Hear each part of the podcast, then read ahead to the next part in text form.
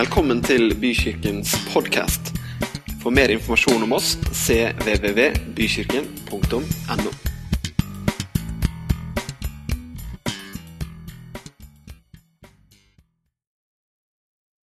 Hyggelig å hilse på dere.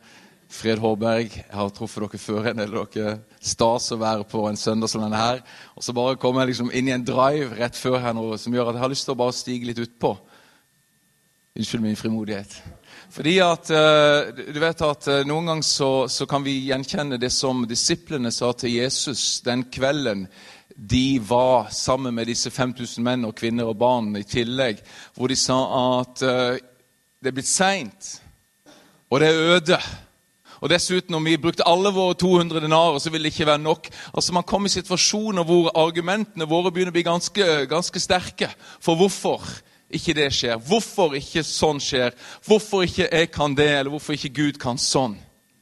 Og Det de bare ikke hadde fått med seg, og som er bare en liten hilsen jeg vil gi deg sånn i starten før jeg begynner å preke, det er det at de, det, det de ikke visste, det var det at det som var det miraklet de folkene trengte, det var allerede inkludert. Da Jesus kom og så folkemengden, syntes han inderlig synd på de. Og han hadde som livets brød ikke bare ord å gi, ikke bare helbredelse å gi, men han ser ånd, sjel og kropp. Og i det han ble berørt i sitt hjerte, så visste han at Gud kommer ikke til å la én bit ligge igjen uberørt, ubetjent. Han har omsorg for hele mennesket. Og Derfor var Jesus full av tro. Han visste det. Gud kommer til å sørge for dem. Det hadde ikke disiplene fått med seg. De ble stressa og nervøse. Og alle deres argumenter hadde ingenting å stille opp med, for han hadde allerede gjort noe klart. Kjære deg og meg. Fins ting i våre liv som vi kan liksom bli så full av, av forklaringer eller begrunnelser på hvorfor det ene og det andre. Kjære deg og meg. Jesus har i kraft av sin oppstandelse, sin himmelfart, fordi han sitter ved Guds høyre hånd, så har han allerede gjort ferdig det som skal til for at du og meg kan leve det livet han har kalt oss til å leve, uansett hvilke murer som står foran oss, uansett hvilke hindringer vi kan liksom komme opp med, uansett hva vi føler på som er liksom argumentene. Vi er for seint ute. Han har allerede gjort det klart. Han har allerede forberedt for deg og meg det som tjener til liv og Guds frykt. Amen. Derfor i dag er det en helligånds kraft her. Gud er her. Gud er på dette stedet, og Den hellige ånd vil ikke ha ord og litt sånn fintale. Han ønsker å betjene deg hjelpe deg, skal få reise deg, skal få gå med Gud. Skal få se at argumentene, uansett hvor vant dette de virker fra ditt ståsted, du er for seint ute. Gud har allerede gjort ferdig det som skal til for ditt og mitt liv. Tror du det? Halleluja! Så jeg tenkte at Nå var jeg litt sånn snubla i, i, i, oppløpet, her, så jeg fikk ikke klart å holde dere oppe mens dere sto. Kan ikke vi bare reise oss et lite øyeblikk? Og så bare sier vi det. Herre, takk at du vil noe, for det har vi merka. Du er så nærværende, Herre. Vi kjenner det fins en kraft her. Og du vil ikke la våre liv henge fast i våre bortforklaringer eller forklaringer. Men takk for det som er mulig i deg, Jesus. Derfor bare ber vi om en hellig åndens betjening i våre hjerter i dag, Herre. Hver eneste person. Om du på en måte gjenkjenner et eller annet, eller du liksom bare Ja, men jeg trenger et mirakel, men du har liksom forklaringen på hvorfor ikke det har skjedd. Eller jeg trenger at Gud kommer til, men jeg, du vet sånn og sånn og sånn. Bare, bare mens vi er innenfor Herren, reis opp i Han. Ganske enkelt. Bare løft i Han. Hvis dette er en sånn søndag hvor du trenger at Jesus han gjør noe for deg og det, Glem de ting du har sagt. Han hører ikke på det, du er for seint ut. Han har allerede sørga for det som skal gi en utgang på din situasjon. I kraft av at han har inderlig medfølelse med deg, så kommer han med forsørgelse til ditt liv. Og derfor, far, vi er ikke her på lek. Vi er ikke her bare fordi vi har liksom en vane, skjønt den er bra. Det er fint å møtes med Gud. Vi vil leve for deg, og vi vil, Herre, se dine mirakler, og vi vil se din herlighet enda til ned i vår egen hverdag. Alle mennesker nå i dette rommet som bare løfter Han Fars tilkjennegir at det er saktens ting vi kan føle oss begrensa av. Men vi løfter samtidig den hånda opp til deg, Gud, du som er den ubegrensede Gud. Mektig. Og vi trenger ikke å be deg bry deg, for du har allerede sørga for en løsning. I enhver situasjon nå så takker vi deg, Herre, for at du har sørga for et gjennombrudd allerede. Det har allerede rørt ved ditt hjerte. Du har allerede gitt deg sjøl i døden. Du har allerede stått opp. Du har allerede blitt satt ved Faderens høyre hånd i det høye. Og du er allerede Herren, og vi bøyer oss for deg. Og vi takker deg for at vi skal få se forsørgelse på enhver situasjon. Ånd, sjel og kropp. I Jesu navn, Herre. Og vi vil leve for deg sterkt, Herre. Og Vi tror at også denne forsamlingen her ikke bare driver med litt sånn eh, lederbytte og innsettelse, men vi tar nye steg. Og din herlighet skal bli synlig for mennesker til å få smak av hvem du er. Vi priser deg, Herre. Vi setter vår lit til deg, vi setter vår forventning til deg. Vi regner med det du har forberedt, og vi tar imot det. I Jesu navn. Amen. Amen. Amen. Og Hvis du vil høre hele den talen, så får du komme i ettermiddag hjemme i stua mi, for da har vi møte.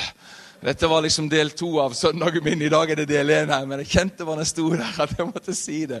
For Gud, han har gjort det som skal til for deg. Ok, da Jesus er Herre. Er dette mitt vannglass, forresten? Nei, Jeg har lyst til å bare si noe som eh, har å gjøre med at Jesus er Herre. Hva betyr det for deg og meg at han er herre? Vi leser en kjent historie som vi gjerne ofte hører på søndagsskolen, om den blinde Bartimeus. Det står i Markus, eh, evangeliet kapittel 10.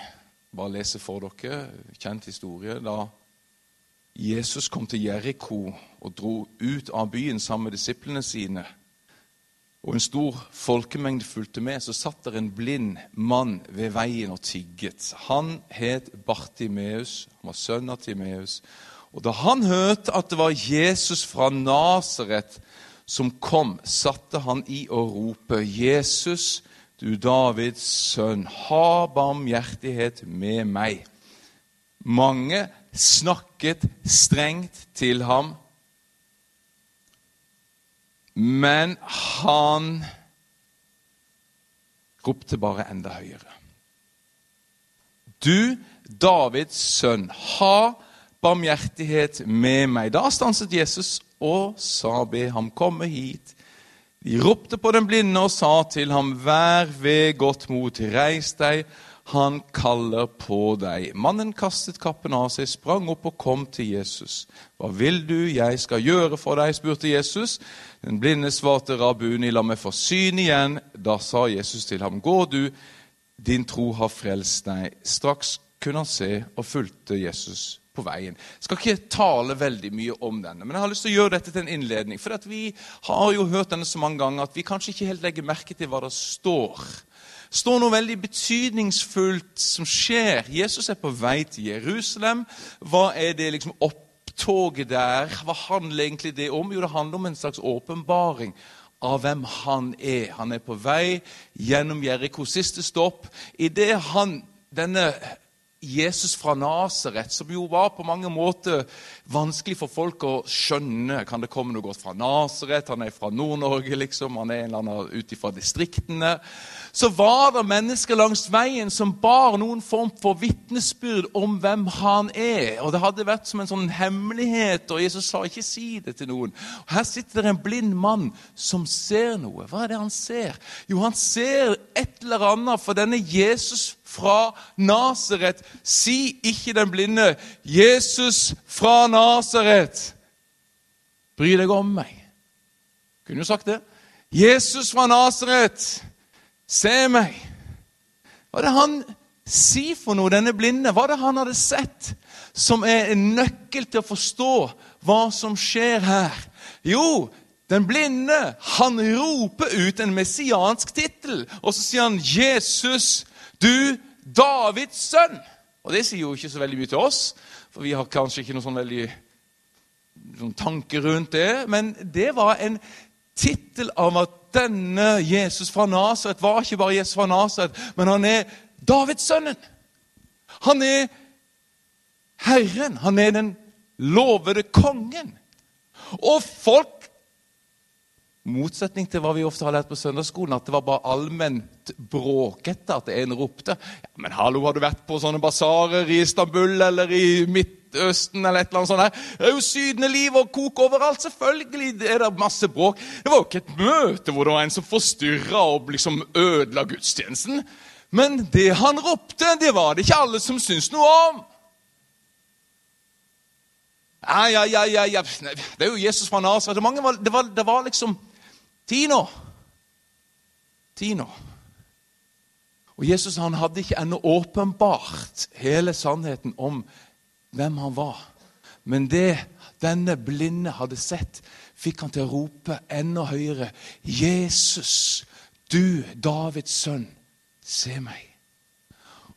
Og det stansa Jesus. Og så får vi jo bare ta det som en innledning, sier, fordi at eh, det er lett å tenke jo, men den blinde hadde hørt rykter om hva Jesus gjorde. Han bygde ikke sin tro bare på rykter. Han bygde ikke sin tro bare på nyhetene andre hadde fortalt. Han bygde de på gammeltestamentlige profetier. Han bygde de på Skriften, våger jeg å antyde for det her nå. For det står i Jeremia 23, en profeti, vers 5. Se, dager skal komme, sier Herren, da jeg reiser opp en rettferdig spire for David Kongen skal regjere med visdom og gjøre det som er rett og rettferdig i landet. I hans dager skal Juda bli frelst, og Israel bo trygt. Og dette er navnet han skal få. Herren, vår rettferdighet. Halleluja. Den blinde så mer enn mange av de seende. Han hadde fått en tro i hjertet at denne Jesus fra Nasaret er oppfyllelsen av profetien om at en dag så kommer Herrens rettferdighet og kraft til å manifestere seg i vårt land. Og da er det muligheter, tenkte han. Da kan han begynne her. Da kan han begynne med å gjøre noe med min situasjon. Da kan han begynne med å reise opp meg som har blitt sittende ved veien. Og det skjedde. Vi bekjenner Jesus som Herre. Vi sier og vi synger 'Jesus er Herre'. Den blinde så det. Spørsmålet er hva ser vi? Det står i Hebreerbrevet kapittel 2, vers 5. Siden ikke det er noe på skjerm, så får dere bare høre. Er en forskjell. Jeg pleier alltid å ha noe på skjerm. Men ok, nå snakker vi, så hører vi. Hebreerne 2,5. Det var ikke under engler Gud har lagt den kommende verden som vi taler om. Dette er det en som har vitnet om. Et sted var et menneske, at du husker på det. En menneskesønn, at du tar deg av ham. En kort tid har du stilt ham lavere enn engler, men du har kronet ham med herlighet og ære. Alt har du lagt under hans føtter. Så står det videre. Da Gud la alt under ham, var det ingenting unntatt. Alt skulle underlegges ham. Og så står det Ennå kan vi ikke se at alt er lagt under ham. Men Jesus, som for en kort tid var stilt lavere enn englene, ham ser vi nå kronet med herlighet og ære fordi han led døden. Slik skulle han ved Guds nåde smake døden for alle. Halleluja. Redeem to reign. I sitt liv fordi at det gjorde at han ble krona med herlighet og ære. En sentral del av vår tro, kjære deg og meg, deg som tror iallfall, er at Jesus Kristus er Herre. Han er frelser, han er vår stedfortreder, men han er Herre. Og Bartimeus profeterte om det som skulle bli den realiteten som hebreerbrevet i etterkant av døden sier at nå ser vi alle det.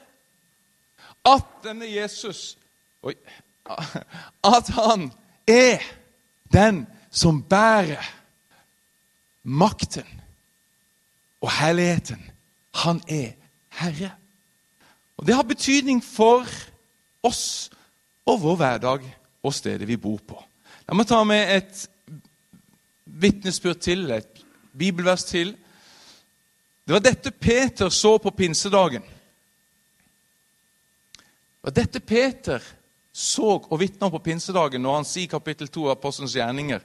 Denne Jesus har Gud reist opp. Det er vi alle vitner om. Han ble opphøyd til Guds høyre hånd og mottok fra sin far den hellige ånd, som har lovet oss, og den har han nå øst ut, slik dere ser og hører. For David for ikke opp til himmelen. Han sier jo selv, Herren sa til min herre, sett deg ved min høyre hånd til jeg får lagt dine fiender som skammel for dine føtter. Så sier Peter, så skal hele Israel vite for visst. Denne Jesus som dere korsfestet, ham har Gud gjort til både Herre og Messias. Og det er veldig fint å synge 'Han er Herre' eller et eller annet sånt. Men faktum er at Jesus Kristus er rettmessig herre til hele skaperverket og alle mennesker. Han har blitt satt ved Faderens høyre hånd, og han er blitt gitt å være herre over levende og døde. La oss bøye oss. Amen. Det er sannheten i Guds ord. Og så finnes det et, som det gjør med Guds rike, et allerede og et ennå ikke. Og der er vi jo inne i vår erfaring. Det fins allerede noe vi ser oppfylt, og så fins det et ennå ikke. Og det var det hebreerbrevet sa. Han er krona med herlighet og ære, men ennå ser vi ikke at alle ting er lagt under han. Og det kan vi vel si ganske enkelt at Hvis vi har en forståelse som Bartimeus at om han får makt, om denne kongen får lov å gjøre det han vil, da skjer det gode ting. Og Da kan vi komme på situasjoner kanskje i eget liv eller familie eller i, ja, på arbeidsplassen eller i byen vår eller i nabolaget hvor mm mm, mm, mm, mm, Nei, det virker ikke som at dette området eller denne sammenhengen er influert av Jesu herredømme. Når vi ikke, ikke, liksom ser etter hvilken atmosfære er der, eller hvilket klima er der, eller hvordan er relasjonene mellom mennesker så Nei, det virker ikke som at Jesu herredømme er, er liksom erfart her ennå. Betyr det at han da ikke er herre? Den rettmessige som er herre over himmel og jord? Han er det. Men det fins et allerede, og så fins det et ennå ikke. Og der er vi satt inn. I forhold til allerede så sier da Peter, som jeg sa, denne Jesus som dere korsfestet, ham har Gud gjort til både Herre og Messias. Så det har skjedd. Vi bekjenner oss til eh, korset, til oppstandelsen, men også til himmelfarten. Og hans At han satte seg ved Faderens høyre hånd. Hvor er Jesus nå? Jo, han er iblant oss, og så er han ved Faderens høyre hånd i det høye. Han er Herre. Han er den som har satt seg på tronen. Og Peter sier videre, også i sitt eget brev, kapittel 3, vers 22, han som for opp til himmelen og nå sitter ved Guds høyre hånd, etter at engler, myndigheter og makter er ham underlagt. Ja, hvilke makter da? Nei, jeg vet ikke. Vi får lage en liste over de som ikke er han underlagt, da. Ja, Gud, du vet at min situasjon er for vanskelig. Det tilfellet der er håpløst. Ja, når det, gjelder, når det gjelder akkurat deg, Gud, så, så, så, så, er jeg litt i tvil. Nei, Peter bare lister opp alt sammen. han. Engler og makter og myndigheter er ham underlagt. Amen? Så rent formelt, da, kan man si det sånn, rent formelt så er det ikke så lett å lage sånne lister over ting som ikke er han underlagt. Og efeserne går ennå kanskje lengre, Pauls brev, når det understrekes kapittel 1, vers 19. Med denne veldige makt og styrke reiste Gud Kristus opp fra de døde og satte ham ved sin høyre hånd i himmelen, over alle makter og myndigheter, over alt velde og herredømme over alle navn som kan nevnes. Ikke bare i denne verden, men også i den kommende. Alt la han under hans føtter. Og Det betyr at alle de ting vi måtte kunne komme på, som vi ennå ikke ser synlig lagt under hans føtter, det har fra Guds ståsted allerede skjedd. Rent formelt så er Jesus innsatt som konge, og det betyr at det fins ingen makt som skal kunne bli stående mot hans herredømme. Halleluja, amen og takk og lov. Det tror vi på. Han er herre. Jesus er herre, og han skal regjere til slutt. Men det fins et allerede, og så fins det et ennå ikke. Og da går vi noen ganger litt vill. Hvordan skal vi forholde oss når det som da allerede, ikke, allerede har skjedd, ennå ikke tilsynelatende har blitt synlig for oss? tar også med denne her nydelige salmen i Filipperbrevet. Han var i Guds skikkelse, men så det ikke som et rov å være Gud lik ga avkall på sitt eget og tok på seg tjenerskikkelse og ble mennesker lik. Da han sto fram som menneske, fornedret han seg selv og ble lydig til døden, ja, døden på korset. Derfor har også Gud høyt opphøyd ham til det høyeste og gitt ham navnet over alle navn. I Jesu navn skal derfor hvert kne bøye seg, i himmelen, på jorden og under jorden. Og hver tunge skal bekjenne at Jesus Kristus er Herre. Til Gud Faders ære. Og Derfor var det ikke å ta munnen for full når Jesus på oppstandelsesdagen eller litt senere sto fram på berget og sa meg er gitt all makt i himmel og på jord. Gå derfor ut. Han er innsatt som arving over alle ting. Han er den som har blitt gitt all makt i himmel og på jord, og som vi la oss. Jesus, som for en kort tid var stilt lavere enn englene, han ser vi nå kronet med herlighet og ære fordi han led døden. Men så finnes det et ennå ikke, og Bibelen er ærlig på det, tydelig på det. Det er ingenting her i denne gudstjenesten eller denne forsamlingen som skal forsøke å fortelle deg hvordan det burde ha vært i ditt liv. eller hvorfor sånn og sånn og sånn. Det er ikke det vi driver med. Vi driver ikke og prøver å forklare hvordan du skulle om bare sånn og sånn. Nei, nei, nei. Vi forkynner sannheten om Jesus, slik at også våre erfaringer kommer på linje med den sannheten. Amen. Hvordan blir du frelst? Er det ved å ta deg sammen? Er det ved å løfte deg i nakkeskinnet og bli litt bedre? Nei, du blir frelst ved at den sannheten som er Guds ord, om at du var inkludert i Jesu død Alle dine synder ble sona i hans død, og han tilbyr deg et eh, både rent og rettferdig liv. Du blir frelst ved å tro det. Du kommer på linje med det som er sannheten. Og Sånn er det også i vår erfaring. Det fins et allerede, eh, allerede, men også et ennå ikke. Og hvordan forholder vi oss til det? Hebreerne som sagt sa kapittel 2 vers 8 da Gud la alt under ham, var ingenting unntatt. Alt skulle underlegges ham. Likevel, ennå kan vi ikke se at alt er lagt under ham. Paulus sier i 1. Korinterbrev 15.: For han skal være konge, helt til Gud har lagt alle fiender under hans føtter. Den siste fienden som blir tilintetgjort, er døden. Halleluja. Men Guds prosjekt skjønner du, det er ikke bare å frelse en sjel. Ja, det er det. Men Guds prosjekt er å vinne hele verden tilbake under sin herlige kongemakt. Og til det har han innsatt sin sønn som regent. Han er herre, og han sitter som herre på tronen inntil alle krefter og makter faktisk er også lagt under hans føtter. Og En dag så skal selv døden og forgjengeligheten måtte pakke saken og dra herfra. Ja, Men det er jo et herlig ord vi får lov å dele, da! En søndag morgen i Tønsberg. Og eh, La oss også ta med det som Filipperne sier, da. Kapittel 3. For vårt rike er i det himmelske. Det er ikke bare det er i himmelen en gang i framtiden, men vårt rike er det åndelige rike. Det er det usynlige. Og Derfra venter vi òg den Herre Jesus Kristus som frelser. Han skal forvandle vårt fornedrelseslegeme. Dette er 1930-oversettelsen. Jeg tok den fram og syns den sa det bra. Han skal forvandle vårt fornedrelseslegeme, så det blir likt med hans herlighetslegeme. Wow! Det er bra. Hadde litt vondt i ryggen da jeg våkna i dag tidlig. Monterte kjøkken i går, fra morgen til kveld. Jeg sov dårlig i natt, altså. Må si det. For gammel for sånt, kanskje. Iallfall uerfaren.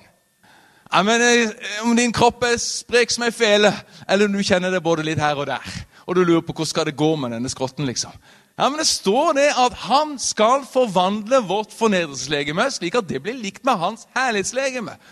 Jeg mener, det er saker. Da er det ikke mye begrensninger. Og så står det så interessant. Etter den kraft hvormed han òg kan underlegge seg alle ting. Wow! Etter den kraft hvormed han òg kan underlegge seg alle ting. Hva er kraften? Hva drar oss ifra dette? Ennå ikke til at vi også erfarer det. Hva er det som er virksomt i vår tid og i våre liv, som gjør at det som er en sannhet som vi bekjenner oss til, det blir også en erfaring vi gjør oss, og som skal ha sånn en påvirkning på oss at selv kroppene våre blir transformert? Jo, det er den kraften som er i Jesus Kristus. Halleluja. Det var noen som nevnte Jesu navn her. Det var noen som bekjente Jesus her. Det var noen som løfta fram navnet Jesus her. Vet du hva? I det navnet er det sånn kraft. I hans liv er det sånn kraft. Den oppstandelseskraften som reiste Jesus opp fra de døde, den kraften er det som når den er virksom i oss og rundt oss i våre liv, hjem og nabolag. Det er forvandlingskraften. Det er herliggjørelse, herliggjørelseskraften. Det er den kraften som bringer fram hans rike. Amen. Amen. Den er virksom. Den er virksom. Og Derfor så tror vi på Guds rike som en soloppgang, som skal få lov til å en dag fylle alle ting. Så hadde jeg tenkt å vise noen fine ting på skjerm, men jeg skal gjøre det ganske så raskt. Jeg skal ikke preke lenge heller. Men i Oslo, som jeg får gleden av å være bosatt i nå, så ble vi da eh, for en ca. halvannet år siden, kanskje, høsten 2016, Men vi er kjent med noen eh, mennesker som, eh, som, som tenker Guds rike. Tenker Guds rike i dette perspektivet. Ja, men Jesus er Herre. Han har rett til å regjere. Det skal ikke være bare noe vi tar liksom som noe vi ikke kan gjøre noe med hvis skoler er prega av drop-out eller vold. Eller hvis det er nabolag hvor narkoen liksom bare får florere. Altså, Hvis Jesus er herre, så påvirker det jo hvordan vi tenker om våre byer. Våre steder. For vi tror vel ikke at vi skal være sånne type kristne som skal bare liksom sitte i hula inntil han snapper oss vekk, og så unnflyr vi hele elendet. Hvis det er din endetidslære, så bør vi fylle inn noen hull.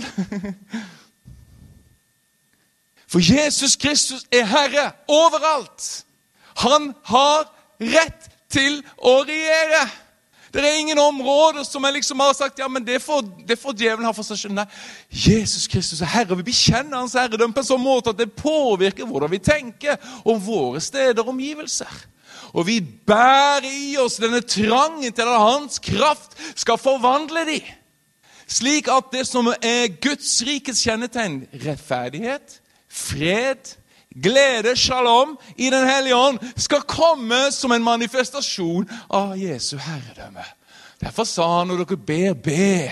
Far, du som er himmelen, la ditt navn holdes hellig. La ditt rike komme. La din vilje skje på jorden som i himmelen. Og Da kan jeg bare messe opp litt fadervor med en gang, siden at vi er bare gjestepredikant.